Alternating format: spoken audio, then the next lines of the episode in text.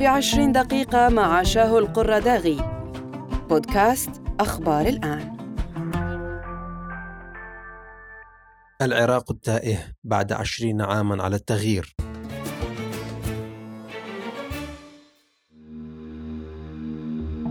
بعد مرور عشرين عام على التغيير النظام في العراق نتيجة للتدخل الأمريكي لا يزال العراقيون يحلمون ببناء دولة قادرة على تلبية احتياجاتهم الأساسية من الخدمات والأمن والاستقرار وخاصة مع تراجع أداء ومستويات كافة القطاعات والمؤسسات على الرغم من كثرة الإيرادات المالية وتوفر الثروات وأموال النفط إلا أنها لم تنعكس بصورة إيجابية على حياة العراقيين بل تسببت بنشوء واندلاع الصراعات السياسية وتحول المواطنين إلى وقود لهذه الصراعات مرحبا بكم في حلقة جديدة من بودكاست في عشرين دقيقة نناقش فيها حال العراق بعد مرور أكثر من عشرين عاما على التغيير وكيفية فشل السياسيين في تحقيق وعودهم وبناء دولة مستقرة للعراقيين. يصف كاتب كتاب العراق التائه بين الطائفية والقومية كواليس عملية إسقاط النظام العراقي السابق وبناء وتشكيل تأسيس دولة جديدة مشوهة تماما حيث يقول الكاتب في كتابه إن انهيار الدولة العراقية أسس نمطا جديدا من العلاقات بين مكونات الشعب الواحد الذين يشكلون فسيفساء نادرة كان يجب أن تكون عامل قوة بدلا من أن تصبح مسمارا جديدا يدق في نعش المجتمع العراقي المثخن بالطعنات داخليا وخارجيا بفعل التمييز والإقصاء والرعب والإذلال والجوع بعد أن كرس هذا النمط قيم المحاصصة المبنية على الطائفة والدين والعرق بدءا من تشكيل الحكومة ورئاسات الدولة الثلاث الوزراء والجمهورية والنواب انتهاء بحصص الوظائف البسيطة في الأجهزة الأمنية والمدنية.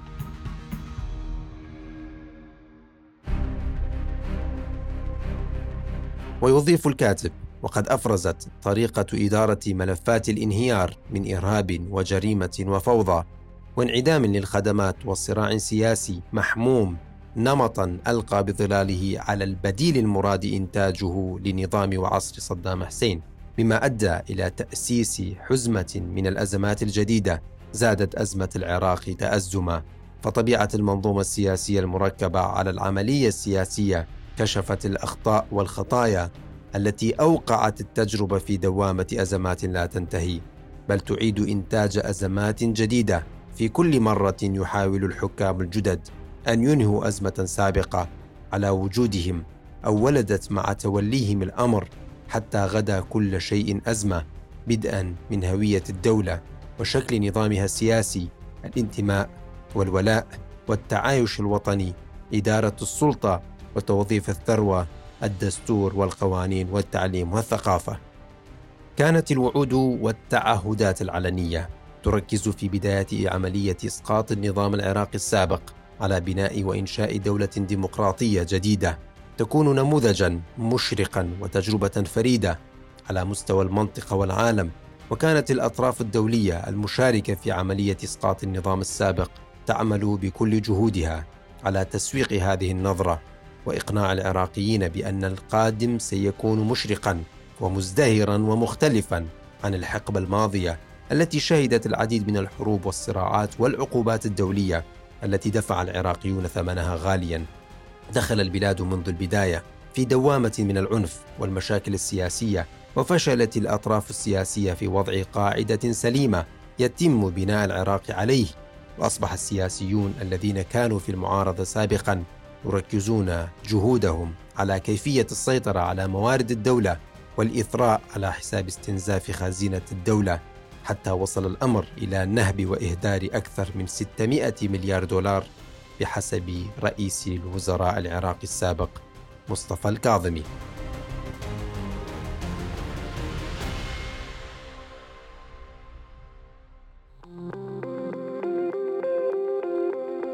ولم يقتصر المشاكل على الجانب السياسي فقط بل انتشرت في كامل جسد الدولة العراقية من الاقتصادي والأمن وحتى الجانب الاجتماعي والثقافي والبيئي بحيث أصبح العراق في ذيل القوائم الدولية من ناحية حقوق الإنسان والحريات الصحافية والخدمات والشفافية والحوكمة والإدارة السليمة للدولة. بعد عشرين عاما على التغيير ما زال هنالك الملايين من المهجرين والنازحين والمغيبين قسريا في ظل عجز الحكومات العراقية على معالجة الملفات الإنسانية أو الاستجابة لدعوة المنظمات الدولية لإنهاء هذه القضايا والاستجابة لمطالب ذوي الضحايا في إشارة واضحة على ضعف الدولة وسطوة الجماعات المسلحة الموالية لإيران على الكثير من الملفات. وللمزيد حول هذه المواضيع نتحدث مع الباحث والمحلل السياسي الأستاذ عبد القادر النايل ونسأله أولا بعد عشرين عاما على التغيير لماذا فشلت الأحزاب السياسية في العراق من بناء دولة حقيقية تحظى باحترام المواطنين؟ صنعت العملية السياسية في العراق وفق مقاسات سلطة الاحتلال ومشروعها على أسس طائفية ومذهبية وفق نسب ليست حقيقية أوكلت إدارة أحزاب السلطة لإيران لتعمل على تغذية الطائفية وتقسيم المجتمع العراقي وبعد عشرين عاما لم تستطع الأحزاب وأجنحتها المسلحة التي لا تمتلك جذورا في الشعب العراقي من تحويل العملية السياسية الحالية إلى نظام سياسي حقيقي لأنه أساس بنائها كان عشوائيا يتحكم فيه من الخارج. وما تشكيل الحكومات ولا سيما آخرها حكومة الإطار التنسيقي إلا شاهد على ذلك مما دفع العراقيين إلى رفض العملية السياسية ومقاطعة الانتخابات بنسبة فاقت ال 80% وهذه الانتخابات عدت انتخابات وهمية هم أنفسهم يعترفون بتزويرها. ولذلك كان للشعب العراقي عبر عدة وسائل ومن التظاهرات مقاطعة الانتخابات ارائهم الإعلامية والعلنية لكن هذه التظاهرات السلمية قمعت بالحديد والنار والقتل والاعتقال وهي قد كشفت بهذا الإجراءات الوجه الحقيقي لأكذوبة الديمقراطية في العراق. وبالتالي من يرهن نفسه وسياسته وحزبه للخارج لا يمكن أن يبني نظاما سياسيا وطنيا يجمع العراقيين وينهض بالوطن. ومن هنا حقيقة كان الفشل مصاحبا وسيستمر. في العملية السياسية الحالية وبالتالي لا يمكن أن تكون نظاما سياسيا إلا أن يعود الشعب العراقي ليتم رسم ما تم الاتفاق عليه من قوانين للأحزاب ومن قوانين الانتخابات بشكل وطني عراقي لا يمكن العبث به بأيادي خارجية لأن العراقيين هم أدرى بمصلحتهم.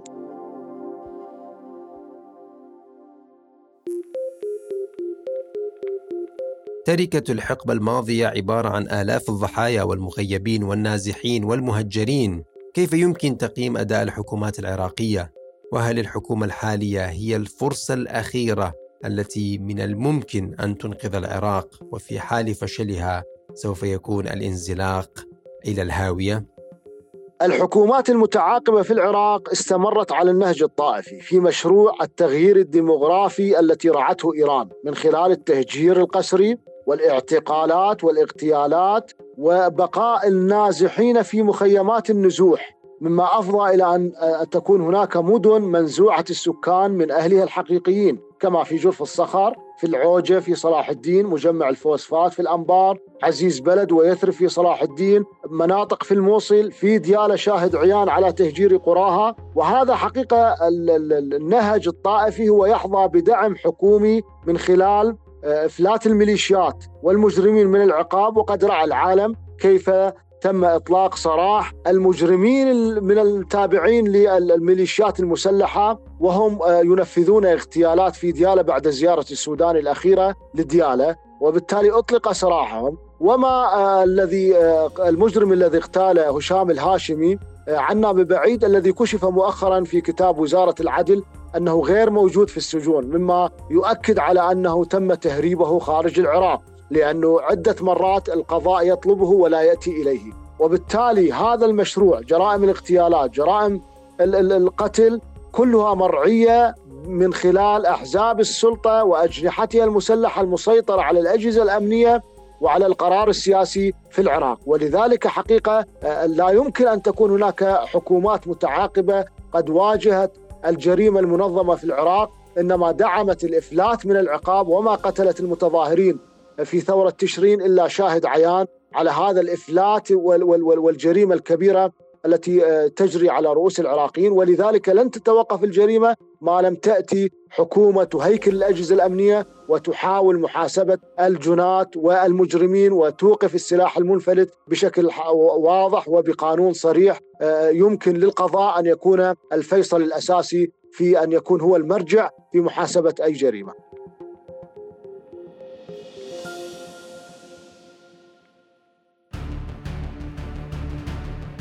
يتحدث قادة العراق الحاليين عن برنامج ومشاريع لعراق 2050 هل هذه المشاريع وخطط هي قابلة للتطبيق والتحقيق في ظل المعطيات الحالية أم هي مجرد وعود تخديرية للمواطنين؟ جميع ما يتحدث به أقطاب العملية السياسية التي انبثقت منها الحكومات ولا سيما حكومة السوداني من خطط ومشاريع إلى عام 2050 هو ضرب من الخيال وغايته الاستهلاك الإعلامي لأنه حكومة الإطار التنسيقي بإدارة السودان تمر بأزمة ثقة كبيرة ويريدون التسويق لأنفسهم من خلال إعطاء وعود. وبالتالي هؤلاء عندما يتم القول أنها وعود وهمية لأنهم لا يمكن لهم أن يذهبوا باتجاه وجود مشاريع إلى عام 2050 وهم لا يمتلكون الأدوات والأسس الصحيحية لذلك الوعود أو لتلك الوعود ولتلك المشاريع. ولأنهم لم يعطى السلطة آه، مستقبلا لأحد. وهي رسالة واضحة تماما من خلال هذا الكلام أنهم متمسكين بالسلطة لعام 2050 وهذا الارتباك والتخبط الاقتصادي في إدارة الدولة هو شاهد عيان على ما نقول لأنه الفشل الذريع في المحافظة على سعر الدولار والدينار العراقي أمام العملات الأخرى. بالمقابل تقديم حكومة السودان للموازنة لمدة ثلاث سنوات يؤكد هذا الارتباك الاقتصادي لأن اقتصاد العراق ريعي وبالتالي هكذا سيؤثر على الاقتصاد العراق وبالتالي سيؤثر على المشاريع إذا ما انخفضت أسعار النفط وهي مؤهلة للانخفاض. وكما رأيتم انخفاض آه، تصدير النفط من عدة دول وبالتالي نحن أمام كساد عالمي. هل العراق قد تحضر لهكذا كساد؟ وعلى هذا الأساس فإن هناك معطيات أساسية لكل حكومة ترفع آه، شعار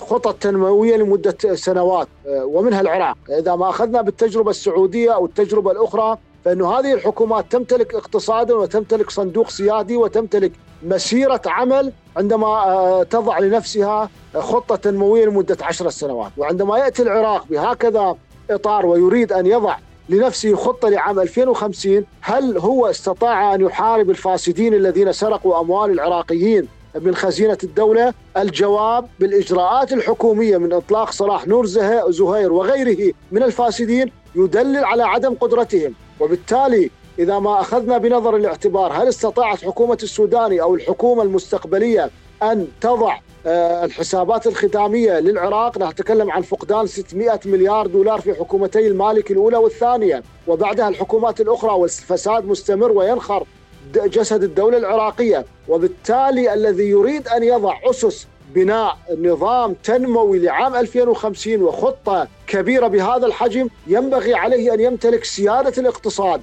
الوطني. والعراق لا يمتلك سيادة الاقتصاد الوطني بدليل لا يستطيع تفعيل ملف الزراعة ولا يستطيع فتح 15 ألف مصنع مغلق عراقي. يمكن أن يوفر 500 ألف وظيفة للعراقيين. وبالتالي عليه أن أن يحد من تراجع آه، صعود خط الفقر لدى العراقيين. نتكلم عن 40% الشعب العراقي يعيش تحت خط الفقر والقضية في تصاعد لأن هناك أزمة حقيقية في ارتفاع المواد الغذائية بعد انهيار الدينار العراقي أمام الدولار والذي لم يستطيعوا إلى الآن من إيقاف هكذا ارتفاع جنوني المواد الغذائية في العراق. لذلك حقيقة الفساد مستمر وبالتالي المشاريع الوهمية لم تنجز إلى هذه اللحظة ولم يحاسب آه، آه، آه، الشركات التي لم تنفذ المشاريع الوهمية طوال عشرين عاما ويتكلمون عن خطة مستقبلية. أظن هذه القضية لكل اقتصادي يمكن أن يقول أنها وهمية وأظن أن هذه القضية هي الاستهلاك الإعلامي وبالتالي يراد من خلالها إعطاء رسالة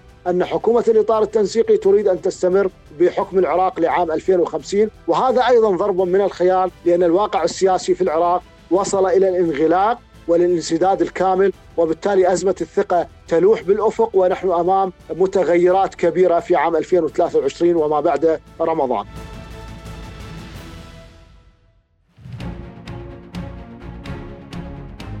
يقول الكاتب سعيد الشهابي في مقال صحفي له في ذكرى مرور عشرين عام على تغيير النظام العراقي أن اليوم بعد مرور عقدين على تلك الحرب التي أسقطت نظام حزب البعث برئاسة صدام حسين استبدلت مشاعر الفرح والأمل التي غمرت الكثير من العراقيين. بقرب نهاية ذلك النظام بمشاعر مختلفة يهيمن عليها الإحباط وشيئا من الغضب.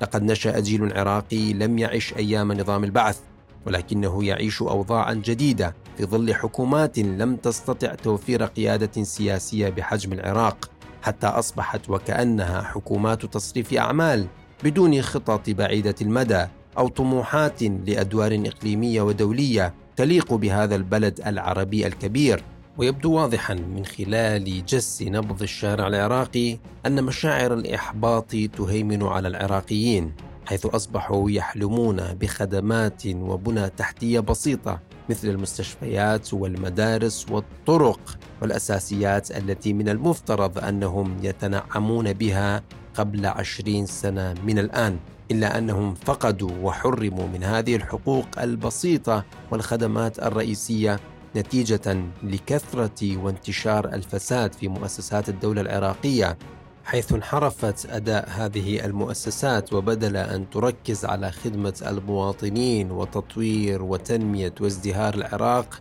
أصبحت تركز على إثراء المسؤولين والقيادات السياسية. على حساب استنزاف الاقتصاد الوطني العراقي. ومن المؤكد أن هذه المشاعر مشاعر الإحباط تؤثر سلبيا على ثقة المواطنين بالمنظومة السياسية حيث لم يعد هناك ثقة بالمؤسسات والسلطات الرسمية وخاصة السلطه التشريعية والقضائية والتنفيذية. وأصبح هناك شرخ واسع بين المواطنين وبين هذه السلطات التي من المفترض أنها تمثل مصالح العراقيين وتعمل لتحقيق مستقبل أفضل لهم.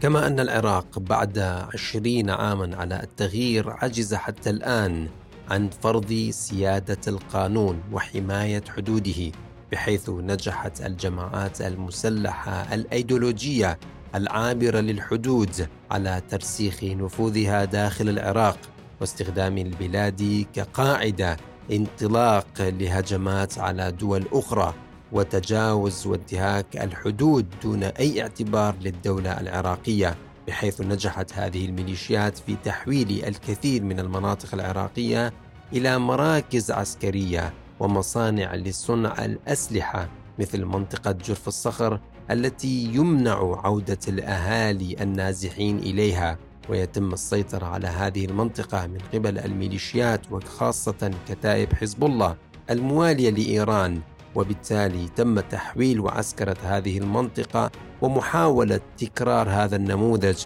في مناطق عراقية أخرى لزيادة سطوة الميليشيات وإضعاف الدولة بصورة أكبر. كما نجحت الميليشيات خلال هذه الفترة الماضية من السيطرة على العديد من النقاط الحدودية وخاصة مع إيران ومع سوريا أيضا حيث يتم استغلال هذه المعابر الحدودية لنقل الأسلحة والمقاتلين انطلاقا من إيران وثم العراق مرورا بسوريا وإلى لبنان حتى يصل إلى حزب الله اللبناني. وعلى الرغم من الانتقادات الداخلية والدولية لهذا الدور الذي يلعبه الميليشيات في العراق والذي يؤثر بصورة سلبية على الأمن والاستقرار ويحول العراق إلى ساحة للصراعات الإقليمية والدولية إلا أن الدولة العراقية عجزت عن وضع حد لهذه التجاوزات المستمرة. يؤكد المعطيات والحقائق على أرض الواقع أن العراق بعد عشرين عاما على التغيير لم يتم تحقيق أبسط الخدمات والبنى التحتية للمواطنين فيه بل بات المواطن العراقي يعاني من العديد من الأزمات السياسية والاقتصادية والاجتماعية والثقافية والأمنية وأصبح عاجزا عن توفير لقمة العيش في ظل السيطرة الحزبية على المرافق الاقتصادية واحتكار السوق واستنزاف اقتصاد المواطنين بصورة ممنهجة حيث فشلت الأطراف السياسية في تحقيق وعودها وتنفيذ تعهداتها بعد مرور عشرين عاما على هذه الوعود والتعهدات. وهذا ما يدفع العراقيين إلى التفكير بأن الحكومة الحالية هي حكومة الفرصة الأخيرة وبأنها لو فشلت مثل الحكومات السابقة فإنه يجب أن يحصل تغيير شامل وكامل يشمل الجميع ويبدأ بتأسيس أساس جديد مختلف عن السابق ويتم فيه إقصاء كافة الأطراف التي تورطت في الفساد أو القتل أو الانتهاكات الحقوقية حتى يتم بناء مستقبل أفضل للأجيال القادمة. إلى هنا ننتهي من حلقة هذا الأسبوع من بودكاست في 20 دقيقة. تحدثنا فيها عن العراق بعد 20 عاما من التغيير. شكرا لكم لحسن الاستماع وإلى اللقاء في الحلقات القادمة.